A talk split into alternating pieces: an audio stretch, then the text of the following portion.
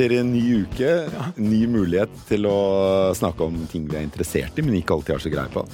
Ja, og det er dette vi skal snakke om i dag. Der er jo, der er jo enormt store forventninger til deg. Ja, Ja, for, jo, for det, det, dette er litt ditt område.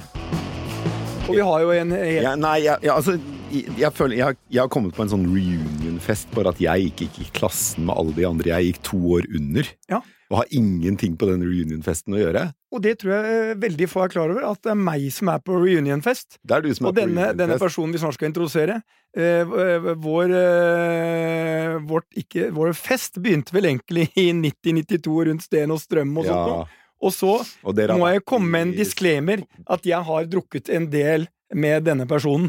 Jeg vet ikke om man må si sånn, Per, bare sånn at det ikke skal bli noe tvil, hvis jeg er litt for positiv. Det det er jo bare hyggelig å være positiv når Ja. du er i rom med Ja. samme person. Jeg jo, det er jo øh, vi, vi er jo jeg, det, For jeg opplever synes- ikke at jeg jeg kommer til en sånn dårlig reunion-fest. Nei, nei, nei, den er veldig hyggelig. Nei, altså, jeg, Den er bare, jeg jeg har ingenting her å gjøre. Jeg, jeg, jeg liker jo fyren øh, jævlig godt. Ja, det, det er lett å se. Ja. Det er lett å se. Jeg, jeg gleder meg til denne podden. Dere har vært på Sri Lanka sammen, dere har vært i jeg vet, ikke, jeg vet ikke hvor de stedene dere nevnte før Ja, eh, altså, mikrofonen ble men skrudd er på, er engang. Men dere, dere kjenner hverandre godt. Vi kjenner hverandre godt, og øh, vi har øh, noen, også noen felles interesser. En av de er bikkjer. Vi er sikkert uenige om en par ting. Vi er nok ganske uenige om ulv, øh, men vi skal ikke komme innom det i dag. Så hvem er det vi har som gjest? Vi har Raimond Johansen, byrådsleder i Oslo kommune siden 2015. Velkommen, Raimond. Tusen takk for det. Det, eh, vi kan, er lenge siden du var rørlegger. Det er veldig lenge siden. Jeg har ikke skrudd uh, siden 1991. Og hvis du måtte begynne å skru igjen, hvordan hadde det gått? Dårlig. Dårlig men i en skala fra én til ti, hvor dårlig? Nei, altså eh, Hvis toalettet mitt sprenger lekk Kan- altså, jeg kan- kan, jo kan vi ringe deg? sånne Hæ? kan vi ringe Nei, deg? det bør dere ikke. Dere bør ringe autoriserte rørleggere.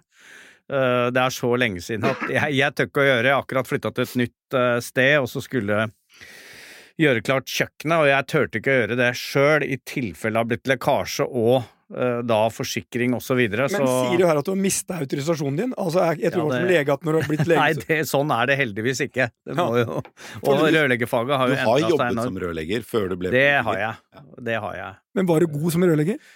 Uh, helt sånn midt på tre. Uh, Så det var egentlig bra du ble byrådsleder. ja, det kan du si. Men det, var eh, et, eh, det er et fint fag. Jeg er ikke noe sånn uh, finhåndverker, og likte vel egentlig best å jobbe på bygg. Og uh, jeg jobba sånn på Oslo City, var jeg i nesten et år nede i sjette 6U, og drev nede i eh, anleggene der, så det, det likte jeg i grunnen aller best. Ikke inne i kjøkkenbenker og på service. Det Hva var det du likte med å jobbe som rørlegger? Det, det som var fint, var jo at du ser resultatet hver dag. At du ser faktisk at eh, røra blir lagt, og det, alt det store spenningsmomentet er jo når du har jobba veldig, veldig lenge, og så skal du skru på vannet. Og så kommer og hvor er det lekkasjer hen? Så jeg har hatt noen eh, ganske hårete lekkasjeerfaringer, det har jeg. Jeg òg. En med hårete når vi åpna The Hub og hovedanledningen i niende etasje sprang lekk, og vi merka det når resepsjonisten måtte ta opp paraplyen. Så, men vi skal ikke snakke om det. Du har gjort en lang karriere i Arbeiderpartiet, men du begynte vel Du var vel innom en sving innom SV? Ja, absolutt. Det var jeg. Jeg var først eh, som veldig ung også medlem av AUF, og så eh, meldte jeg meg ut. Det var noe utenriksgreier på eh, tidlig 80-tall, og så meldte jeg meg inn igjen i Arbeiderpartiet i 95. Hva var utenriksgreiene på tidlig 80-tall? Nei, også det var eh, Det det egentlig dreide seg om, det var en sånn boikottaksjon for Operasjon Dagsverk. Eh, og da satt jeg som representant for AUF i en sånn arbeidsutvalg sammen med masse andre partier, og da kom jeg inn under innflytelse på eh, av mer av eh, utenrikspolitiske spørsmål, og da var han ivrig etter det, og jeg kom jo fra en Arbeiderpartifamilie, og det var jo helt sikkert også behov for å ta mitt eh, lille opprør uh, internt også, Mm. men uh, trivdes godt i, uh, i SV, men som EU-tilhenger, Nato-tilhenger, og på den tida veldig opptatt av et regjeringssamarbeid med Arbeiderpartiet, Ja. så var det vel ikke så greit å komme seg tilbake igjen. Ja, det, og du meldte deg jo inn igjen i Arbeiderpartiet bare ett år etter folkeavstemningen eh, Ja. for eller imot EU i 1994. Og eh, var det det som var utslagsgivende for at du tenkte ok, nå holder de opprør, nå må jeg melde meg inn der jeg hører hjemme? Det var nok en eh, god del av, av eh, årsaken, det. Og det var jo sånn at jeg opplevde at som EU-tilhenger så blei jeg jo et problem for SV. Ja. Uh, og jeg har stått alltid veldig tydelig på, uh, på dette med internasjonalt uh, samarbeid, og det var jo det paradoksale i Oslo, når vi satt i byråd da, så satt Terje Kalheim og jeg, som begge var SV-ere, var EU-tilhengere, og Rune Gerhardsen, som satt for Arbeiderpartiet, var EU-motstander, så det var jo Det er kommunepolitikk. Ja, det var Men det var klart at det Alltid så har det vært knytta til internasjonalt samarbeid og det at Europa skulle ta et eh, mye større ansvar, har alltid stått veldig eh, tungt for meg. Mm. Og når man nå driver og snakker om rikmannsklubben EU, og du har eh, Romania, Bulgaria, du har Baltikum og alle de som medlemmer, og vi som stein rike, Mm. så er det klart at eh, argumentasjonen eh, for å være utafor har blitt mindre, og det jeg aksepterer, jeg aksepterer at folk kan være uh, av egeninteresse være f imot uh, at Norge går inn i EU, men det å være mot EU som institusjon, det syns jeg er et ganske dramatisk standpunkt. Men det er vel, vi er vel basically for alle praktiske formål gjennom EØS-avtalen og sånn, så er vi jo ved 80 innenfor. Ja, vi er mye mer innenfor enn mange EU-land. Ja. Det er jo uh, få land som implementerer alle direktivene i EU så raskt som det vi gjør. Og selv som byrådsleder så har jeg måttet vært ned i Brussel uh, noen ganger for å med ESA, da, for å se hva som er eh, mulig å, å få til og ikke få til innenfor eh, EØS-regelverket. Vi, eh, vi, vi må komme litt tilbake til ditt virke som politiker, men, men la oss ta EU først. Høyre åpner jo nå opp for at de Altså ikke bare ønsker Norge inn i EU, men de, men de har vel Erna Solberg signaliserte jo nylig at det, bør, det er på tide med en ny EU-debatt. Eh, tror du, du vi vil få en ny og intens EU-debatt à la den vi hadde tidlig på 90-tallet? Uh, vi må jo på et eller annet tidspunkt ha en EU-debatt, uh, og det er jo helt umulig å sette Altså eh, ha en EU-debatt og en folkeavstemning hvis vi ikke er rimelig sikre på at du da faktisk vil kunne gå inn. Altså, vi kan jo ikke utsette EU for å bruke en masse tid på oss, hvis vi er veldig motvillig eh, mot det. Men jeg tror det er klokt i et demokrati å ha eh, reelle diskusjoner om, eh, om vår tilknytning, og jeg mener at det som skjedde i, eh, med Russlands invasjon i Ukraina, viser jo eh, behovet for å hele tida ha sånne diskusjoner oppriktig og ærlig eh, diskutere vår tilknytningsform også til, til EU. Det har jeg sjøl tatt til orde for. Og det er jo ikke sånn at vanlige folk går rundt og liksom tenker at i sitt daglige liv her i stein rike Norge at nei, nei, du, du verden, nå synes jeg vi skulle blitt medlem av EU. Men det er vi som ledere.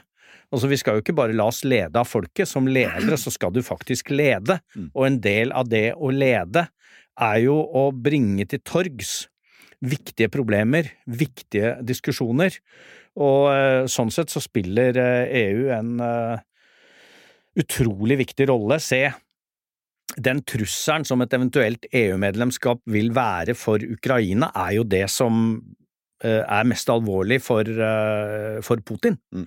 For det er jo demokrati, det er menneskerettigheter, det er miljø, klima, alle de, eh, de spørsmålene som er viktige i vår tid, er jo også tilknytta en EU-diskusjon. Jeg, jeg tror nok at uh, om uh, Høyre tar den EU-diskusjonen og tar den fanen, så er de den mest effektive måten å få justert de meget gode tallene på uh, på veldig kort tid, og det er et av problemene. Så jeg tror ikke det blir den store EU-debatten. Men vi må et steg videre her, og til de mer hjemlige forhold. Vi skal hjem igjen. Vi skal hjem igjen. Det er jo for deg som har vokst opp i politikken og en lang karriere i Arbeiderpartiet eh, hva, altså, Er det bare en følelse vi har, eller faller veldig mange unge fra politikken etter noen år? Og hva kan vi gjøre med altså ehm, eh, unge politikere som slutter? Ja, det er en, eh, det er en utfordring, og eh, når du har liksom ferdig din politiske karriere når du er uh, mellom 35 og 40 år.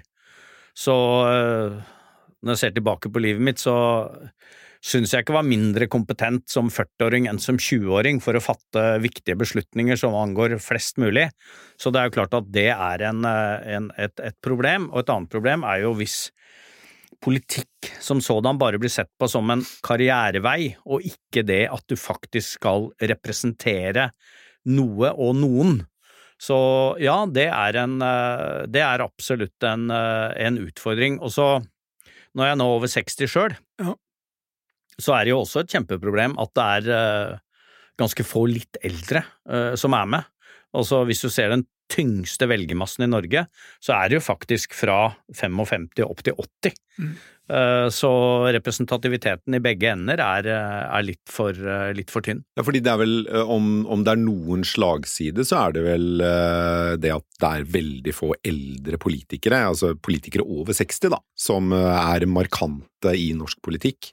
Ja, det er absolutt en Nå kan det hende at jeg sier det, for jeg er i den alderen sjøl, som jeg alle må, ja, må trekke fra. Ja, det er sånn Med en gang du runder 55, så er det på tide å begynne å tenke på den neste generasjonen. Ja, det er eh, Ja, det er eh, definitivt en, eh, en utfordring, og ikke minst, vi står nå foran en tid hvor demografien er, og det ser vi også her i Oslo, hvor veldig mange flere kommer til å bli over 80 år inn mot 2030-2040. Mm.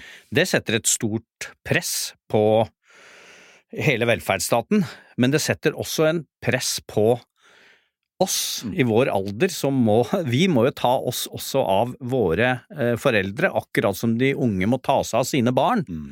Uh, I hvert fall uh, må stille opp så godt uh, det lar seg gjøre, og du kan ikke bare overlate alt det til på en måte velferdsstaten og det offentlige. Du er nødt til å kunne bidra sjøl. De som er så dine foreldre, fordi jeg vet, du, du vet det sikkert ikke, men Inger Marit, din mor, var eh, på min avdeling i VG eh, i en en del år. Ja, mamma, det er hennes store Hun var i mange, mange år der. Hun var i drivjern. Ja. Hun var en fantastisk dame. Eh, hun må ha vært en uh, fornøyelig mamma å ha. Ja da, men hun er i, i full vigør ennå, ja. 83, og er på alle, i hvert fall uh, en del sosiale plattformer og kommenterer og er Hun er oppdatert ja. og knallhard. Hun er den jeg får tydelig beskjed om. det er sånn men, men, men Raymond, det er sånn, når du er innom det der, det er sånn, du har stått i en pandemi. Ehm, hvor jeg syns du også utfordra Du hadde en stor grad av forståelse for konsekvensene av de valgene som ble tatt, og du fighta for det du trodde på. Hvordan klarer du å motivere deg i hverdagen din? Sånn, det, når, hvor lenge har du vært nå eh, aktiv eh, på toppnivå i politikken? Og det begynner å bli eh, noen år. Uh, jeg var jo henta inn Altså, jeg var byråd på tidlig 90-tall, og så jobba jeg mye uh, Jeg var avdelingsdirektør i Norad, og så har jeg vært uh, også generalsekretær i Flyktninghjelpen. Så det begynner å bli sånn eh, Jeg var Stoltenberg 1 og Stoltenberg 2, og så partisekretær. Så jeg har vært i, eh, vært i en del sesonger med ulike oppgaver hele tiden. Men hva motiverer hva, hva, hva, gjør, hva gjør liksom når du kommer på jobben om morgenen og eh, Hva er det som motiverer deg? Først må jeg si at det er et privilegium å ha muligheten til å påvirke folks hverdag. Og det er noe av det fantastiske med å være byrådsleder, er jo at de vedtakene vi er med og fatter, har betydning i løpet av veldig kort tid for mange mennesker. Så det, det motiverer meg sterkt, og ikke minst for å være her i Oslo, som er hjembyen min. Eh, så er jeg også tyngre dager, liksom, men uh, i det hele, og det å kunne være intellektuelt oppegående, omgitt av veldig mange dyktige folk, uh, lese, sette deg inn i saker og så jeg vil jo først og fremst si at jeg er veldig heldig som har fått anledning til å drive med så spennende ting som politikk er, og være med å, å, fatte viktige beslutninger nesten hver eneste dag. Hva er de viktigste tingene for deg nå som byrådsleder for Oslo eh, fremover? Det er valg om ikke altfor lenge. Eh, ja. og Uh, Altså, eh, var litt inne på det. Det er klart at vi har gjort masse spennende når det gjelder miljø og klima. Og der har jeg sagt det at Oslo er stort nok og lite nok til å være testbed for andre store byer. Vi vet at for første gang i menneskehetens historie så bor mer enn 50 av verdens befolkning i byer. Vi er ansvarlig for 70% av alle utslipp, CO2-utslipp. Det betyr at vi er en del av problemet og løsningen. Og det vi har gjort i Oslo er jo å lage ting, for eksempel et klimabudsjett, hvor vi teller CO2 på samme måte som vi teller penger. Det har jo nå eh, New York, London, Paris, andre byer eh, innført. Hele elbilrevolusjonen har vært eh, også eh, viktig, et samarbeid mellom kommune og stat. Og så eh, dette med fossilfrie byggeplasser, at vi bruker innkjøpsmakta vår til å påvirke og endre markedet. Det gjør de også nå i andre byer, med fossilfrie byggeplasser. Og det å liksom ta et stort ansvar som en gigantisk olje- og gassprodusent som Norge er, Oslo er rikt, eh, det motiverer meg veldig. Og så er det jo det å se eh, framover nå på de enorme demografiske endringene vi kommer til å ha, eh, hvordan vi da greier å sette opp velferdsstaten, sikre fortsatt en oppslutning om at folk betaler skatt, at de skal få noe igjen for det, eh, og eh, særlig innenfor eldreomsorg, hvor det er helt umulig å ansette alle de folka vi trenger til å løse det, men da må vi greie både med eh, teknologi, oppfordre oss til å leve forholdsvis mye sunnere, greie oss sjøl osv. Alt det der eh, motiverer meg. Men jeg kommer ikke, bort, jeg kommer ikke unna. Jeg, jeg, altså, jeg må jo bare si eh, han, eh, Vi må jo stille spørsmålet, og du kan godt avvise det, men du var innom skatt. Du er en god del av dine Oslo-borgere som nå har valgt å flytte til Sveits. Det er jo en ikke liten representasjon i Lugano nå fra Oslo-borgere. Hva tenker du rundt det? For det første så syns jeg det er leit. Vi trenger de her. Vi trenger alle folk med stor eh, skatteevne til å bo i, eh, i Norge. Og så kan jeg bruke masse ting på å være moralsk forarga, og det bør man sikkert iblant være, men det er noe et uh, fritt valg. De har tjent pengene i Norge, velger å flytte de ut, og så kan det hende være noe smutthull å, å tette. Uh, det forteller at uh, kapitalen er internasjonal, det veit jo du alt om, Petter. Så det er jo ikke noe jeg syns er hyggelig og bra. Jeg er opptatt av at de Vi trenger masse privat kapital i Oslo. Vi trenger risikovillig kapital som vil investere i ny type virksomhet som skal skape nye arbeidsplasser i forhold til det grønne skiftet, men også innenfor mange andre områder. Så jeg pleier å si at jeg synes det er trist hvis det eneste du risikovillig kapitalen du investerer i, er i, i, velferd og i eiendom. Vi trenger, vi trenger risikovillig kapital i, i, Oslo. Vi trenger også folk med penger som bidrar, og så får de mye igjen på andre områder. Raman, du, du, vokste opp på Tveita, gjorde du ikke det? Ja, Tveita ja. flytta til Lindeberg, litt ja, opp i Groruddalen, eh, ja. par år etter, eller fra jeg var 16. Så. Hvis du tar T-banen fra Tveita eller Lindeberg og så vestover, mm. så øker jo gjennomsnittlig levealder, eh, inntektsnivå, formuesnivå, utdanningsnivå eh, Alt. Alle de parametrene du måler menneskelig livskvalitet på, og, og demografiske forhold øker etter hvert som du beveger deg vestover. Den, den delingen av Oslo, mm.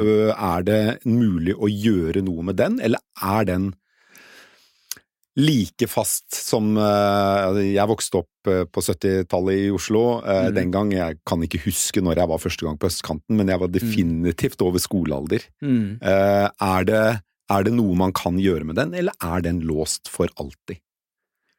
Altså, det er jo uh, Oslo kan jo noen ganger så sitere Rudyard Kipling som sier øst er øst og vest er vest og aldri skal de møtes. Mm.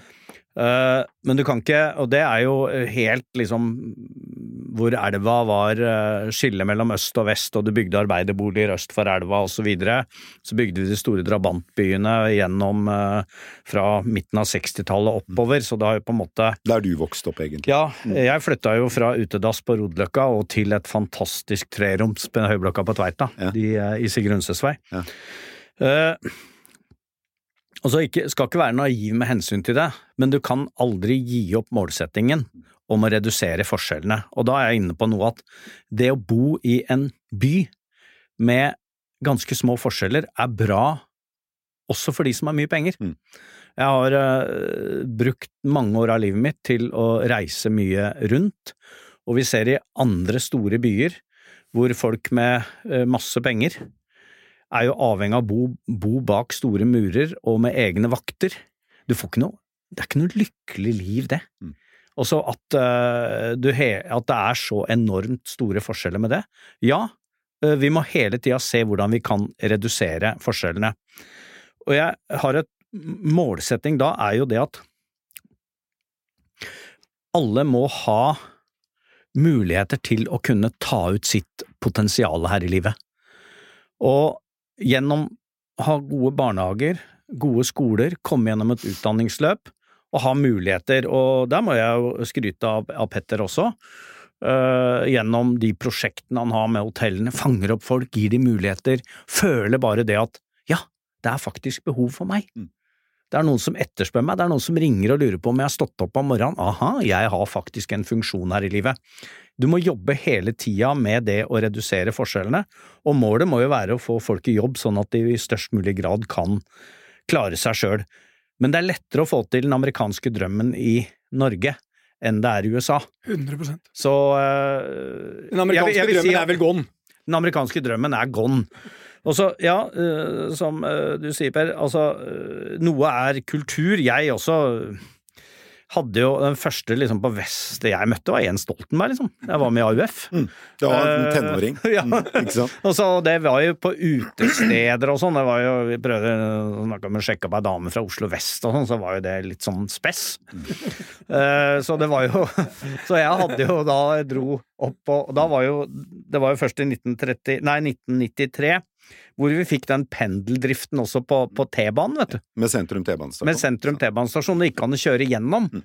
Og det har jo Nei, men jeg tror den hadde veldig mye å si for Oslo. Ja, eh, definitivt. Eh, Så det fysiske. Men eh, skal, vi skal bare fortsette litt til på Oslo-politikken. Ja. En annen utfordring for Oslo er jo at det er blitt veldig dyrt å bo her. Mm. Og det er krevende for en stor by som Oslo, som skal ha veldig mange yrker som er lavtlønnede. og, og for dem da å kunne ha råd til å bo der de jobber.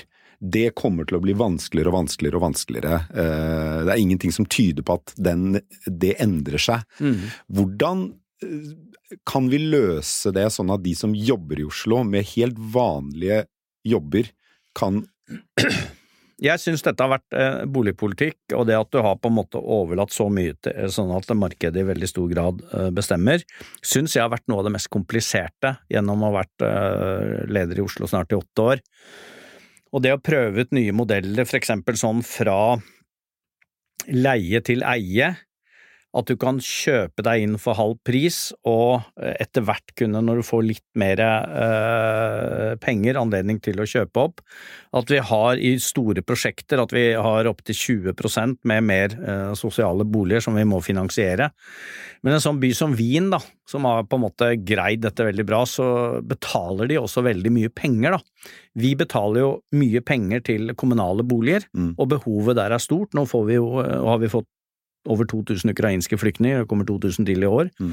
bare som et eksempel på det. Så øh, jeg syns det å ha de øh, prosjektene Nå presser vi regjeringa for at de skal gi mer husbankfinansiert, som gjør det mulig å, å, å låne. Uh, men akkurat nå, selv om vi har regulert uh, mange tomter, så skal jo utbyggerne også kunne tjene penger. Og hvis vi bygger på de områdene hvor uh, betalingsevnen er minst, så uh, tjener jo ikke utbyggerne noe. Nei. Utbyggerne vil jo si at det er regulert altfor lite, og det tar jo i gjennomsnitt over hva er det, det tar fem og et halvt år for et gjennomsnittlig prosjekt å bli regulert. Mm. Uh, de vil jo mene at politikerne trekker beina etter seg og ikke er raske nok med å utvikle boliger i Oslo. Ja, det er helt sikkert en del av av bildet, det. Mm. Så det må vi kunne eh, det må vi kunne gjøre noe øh, også øh, kunne gjøre noe med. Nå er det også utbyggerne sitter lenge på, på, sine planer, men å ha en sånn blame game, det er ikke jeg interessert i. Men det å innse at Oslo øh, vokser, vi er 709 000 nå, mange kommer til å fortsette å bo her, og vi, de, om, de periodene hvor vi hadde områder hvor det var øh, nedlagt industri, å bygge boliger der, det skapte, til, det skapte få uh, kontroverser. Men det å bygge områder nå som krever fortetting, høyere uh, bygninger, alt dette skaper mye mer konflikter og et stort engasjement. Når folk flytter et sted, så vil de ønske å være de siste som flytter dit. Uh, etter, etter, hvert så ønsker de jo ikke ofte flere, flere naboer. Så det ligger en, en konflikt i dette, og en kjempeutfordring for oss. Så eh, det er ingen quick fix. Men, men er, eh, du har et stort engasjement, Raymond, men hva, det må jo være ting i jobben din du liker. hva liker du minst? Hva er det du tenker sånn åh, åh, nå er det mer av det igjen. Jeg, har, jeg, kan ha en liste på ting jeg liker. Det er mange ting jeg liker veldig mye, og så er det ting jeg liker eh, mindre. Hva, hva syns du, er, hva synes du liksom krever at du må liksom virkelig hente opp det beste i det? Det er jo klart at disse uh, budsjettprosessene er innmari krevende. Uh, det er, vi har uh, 90 milliarder, og det er en kjempebutikk. Og inni alle tallene Jeg bare har med meg de bunkene hjem, og alle krav fra alle byrådene, som er sånn, og så er det vi har å dele sånn. Ja. Uh, og det har jeg gjort mange, uh, etter hvert mange ganger, og det må du kunne, men det er klart at det Det er vel av de tingene jeg ikke kommer til å savne så mye når den dagen kommer. Men jeg veit at det er absolutt en usedvanlig viktig del av det, men liksom Jeg er ikke sånn mm, Nå skal jeg bruke helga på å gå gjennom alle, alle, tall og ta en masse telefoner rundt det. Sola skinner, og du har mest lyst til å være ute og ja, da, Men, så... men du, er, du, er, du er ikke veldig glad i ulv? Nei, altså du sikter sikkert til uh, den episoden hvor uh, Shawi, ja. min nylig avdøde bikkje, uh, hadde en ulv etter seg. Ja. Og jeg dukka opp, og ulven forsvant ut til, til sida der. Du var ikke redd for ulven? Det gikk så fort. Ja. Han var svær, altså! Og så det å se en vill ulv i naturen i Østmarka, det var jo en opplevelse jeg aldri glemmer. Så, det var her i Oslo? Ja, det var i Østmarka. Ja. Det var 25 minutter fra der jeg bodde på Lindberg. Ja. Det var ganske heftig, altså. Det var det. Men han, jeg drev sånn trening, jakttrening med bikkja. Han var ikke mer enn halvannet år. Og så kom han løpende, og så kom ulven rett etter han. Og så dukka jeg opp i den svingen, og da forsvant ulven ut til venstre. Det er klart, Ser du en 50 kilo hannulv der sånn, så Jeg tror jeg hadde løpt motsatt vei. Ja, men du var jo opptatt av å få tak i bikkja mi. Ja, ja, det er veldig bra. Så, men jeg har ikke noe mot å ha ulv i naturen. Altså, det, det er jo eh, Det er viktig. Det Absolutt. Så jeg har ikke noe mot ulv. Hva er det største du har oppnådd i karrieren din? Altså, ikke svar å bli byrådsleder, men du må ha et annet. Hva er det største du har oppnådd? Hva syns du liksom at faen, det der, der, der, det var bra? Det er ganske mange eh, Det er ganske mange ting, men det er klart eh, det å greie å holde en koalisjon sammen i snart åtte år eh, Som leder så er jeg fornøyd med det, og når alle de tre partiene ønsker at jeg fortsatt skal være leder etter det, så ser jeg på det som en sånn å bruke det gamle ordet, jeg blir jo litt kry av det. Ja. Det er jo en personlig anerkjennelse av at du fungerer bra i jobben, og at du evner å finne løsninger som alle tre eh, partiene kan være fornøyd med. Da. Det var litt sånn der eh, indirekte var jeg fornøyd med, hvis jeg liksom skal Lederrollen? ja, det, som, mm. som, leder så eh, vil jeg jo si det. Og, du går for fire nye år nå? Nå går jeg for fire nye år. Ja. Raymond, eh, ja. det, jo, har jo lenge vært problemer i Arbeiderpartiet. Meningsmålingene fortsetter å vise svært lave, lav oppslutning om Arbeiderpartiet. Jonas Gahr Støre som, eh, som, partileder for partiet har vært eh, under debatt eh, ganske lenge. Og flere har jo pekt på deg, kan ikke bare Raymond prøve å redde stumpene av det partiet som en gang syntes at 36,9 var et dårlig valg?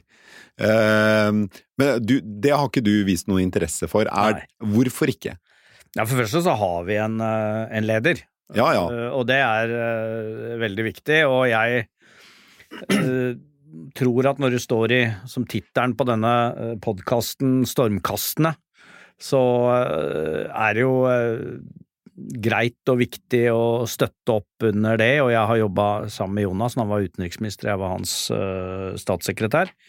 Vi har samarbeidet godt på det, og jeg har ikke noe, noe drøm om det. At drømmen min med å bli sjef i Oslo har vært mer enn nok, og samtidig så sitter jeg i sentralstyret, det har jeg gjort i, i mange år, helt fra 2009, og jeg er også innstilt nå på nytt igjen.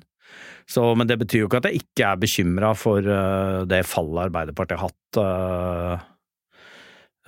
Særlig fra 2017 så hadde vi en oppgang i 2021. og det har jo uh, bekymra meg, og den oppdelingen av venstresida er jo også absolutt krevende. Hvordan ser det nå ut frem mot valget?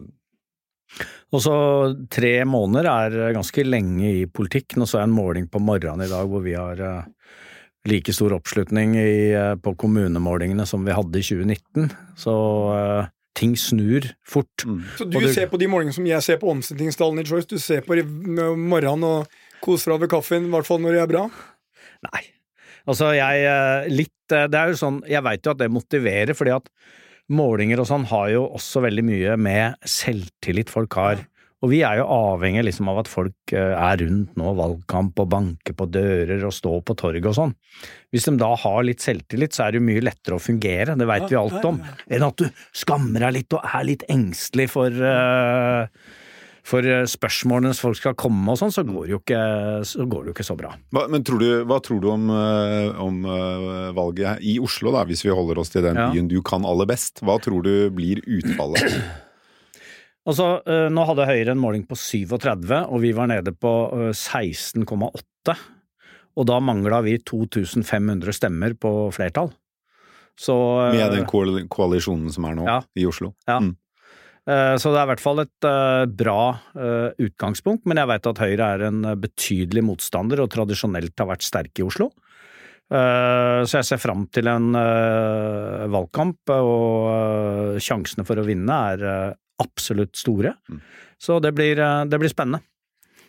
Ja, vi må oppsummere, og eh, vanligvis er det Per som tar oppsummeringen. Jeg stjeler den i dag. Eh, Ramon, jeg står og tenker på det, eh, og vi har kjent hverandre over noen år. Eh, og eh, politikk liksom på nasjonalplan kontra på byplan, det er to forskjellige ting. Og den beste sammenhengen jeg eh, eh, har, er egentlig når jeg kom til Gøteborg og møtte en sosse, altså samme parti som du har, sosialdemokrat, som het Gøran Johansson. Ja, han kjente jeg. ja, Og han eh, fikk eh, mange stemmer, eh, som sannsynligvis var Moderaterna, altså Sveriges Høyre, fordi han var opptatt av én ting. Og det var Han var opptatt av byen Gøteborg, og han, sett, eh, han brydde seg stort sett ikke så veldig mye om andre ting enn Gøteborg. Derfor ble han elsket og ble gjenvalgt år etter år. Jeg møtte han og forsto hvorfor han var elsket. Um, uten han hadde ikke jeg uh, fått etablert post, for han sa dette er viktig for byen, og da spiller ikke de andre tingene så mye rolle. Så dette skal vi få til.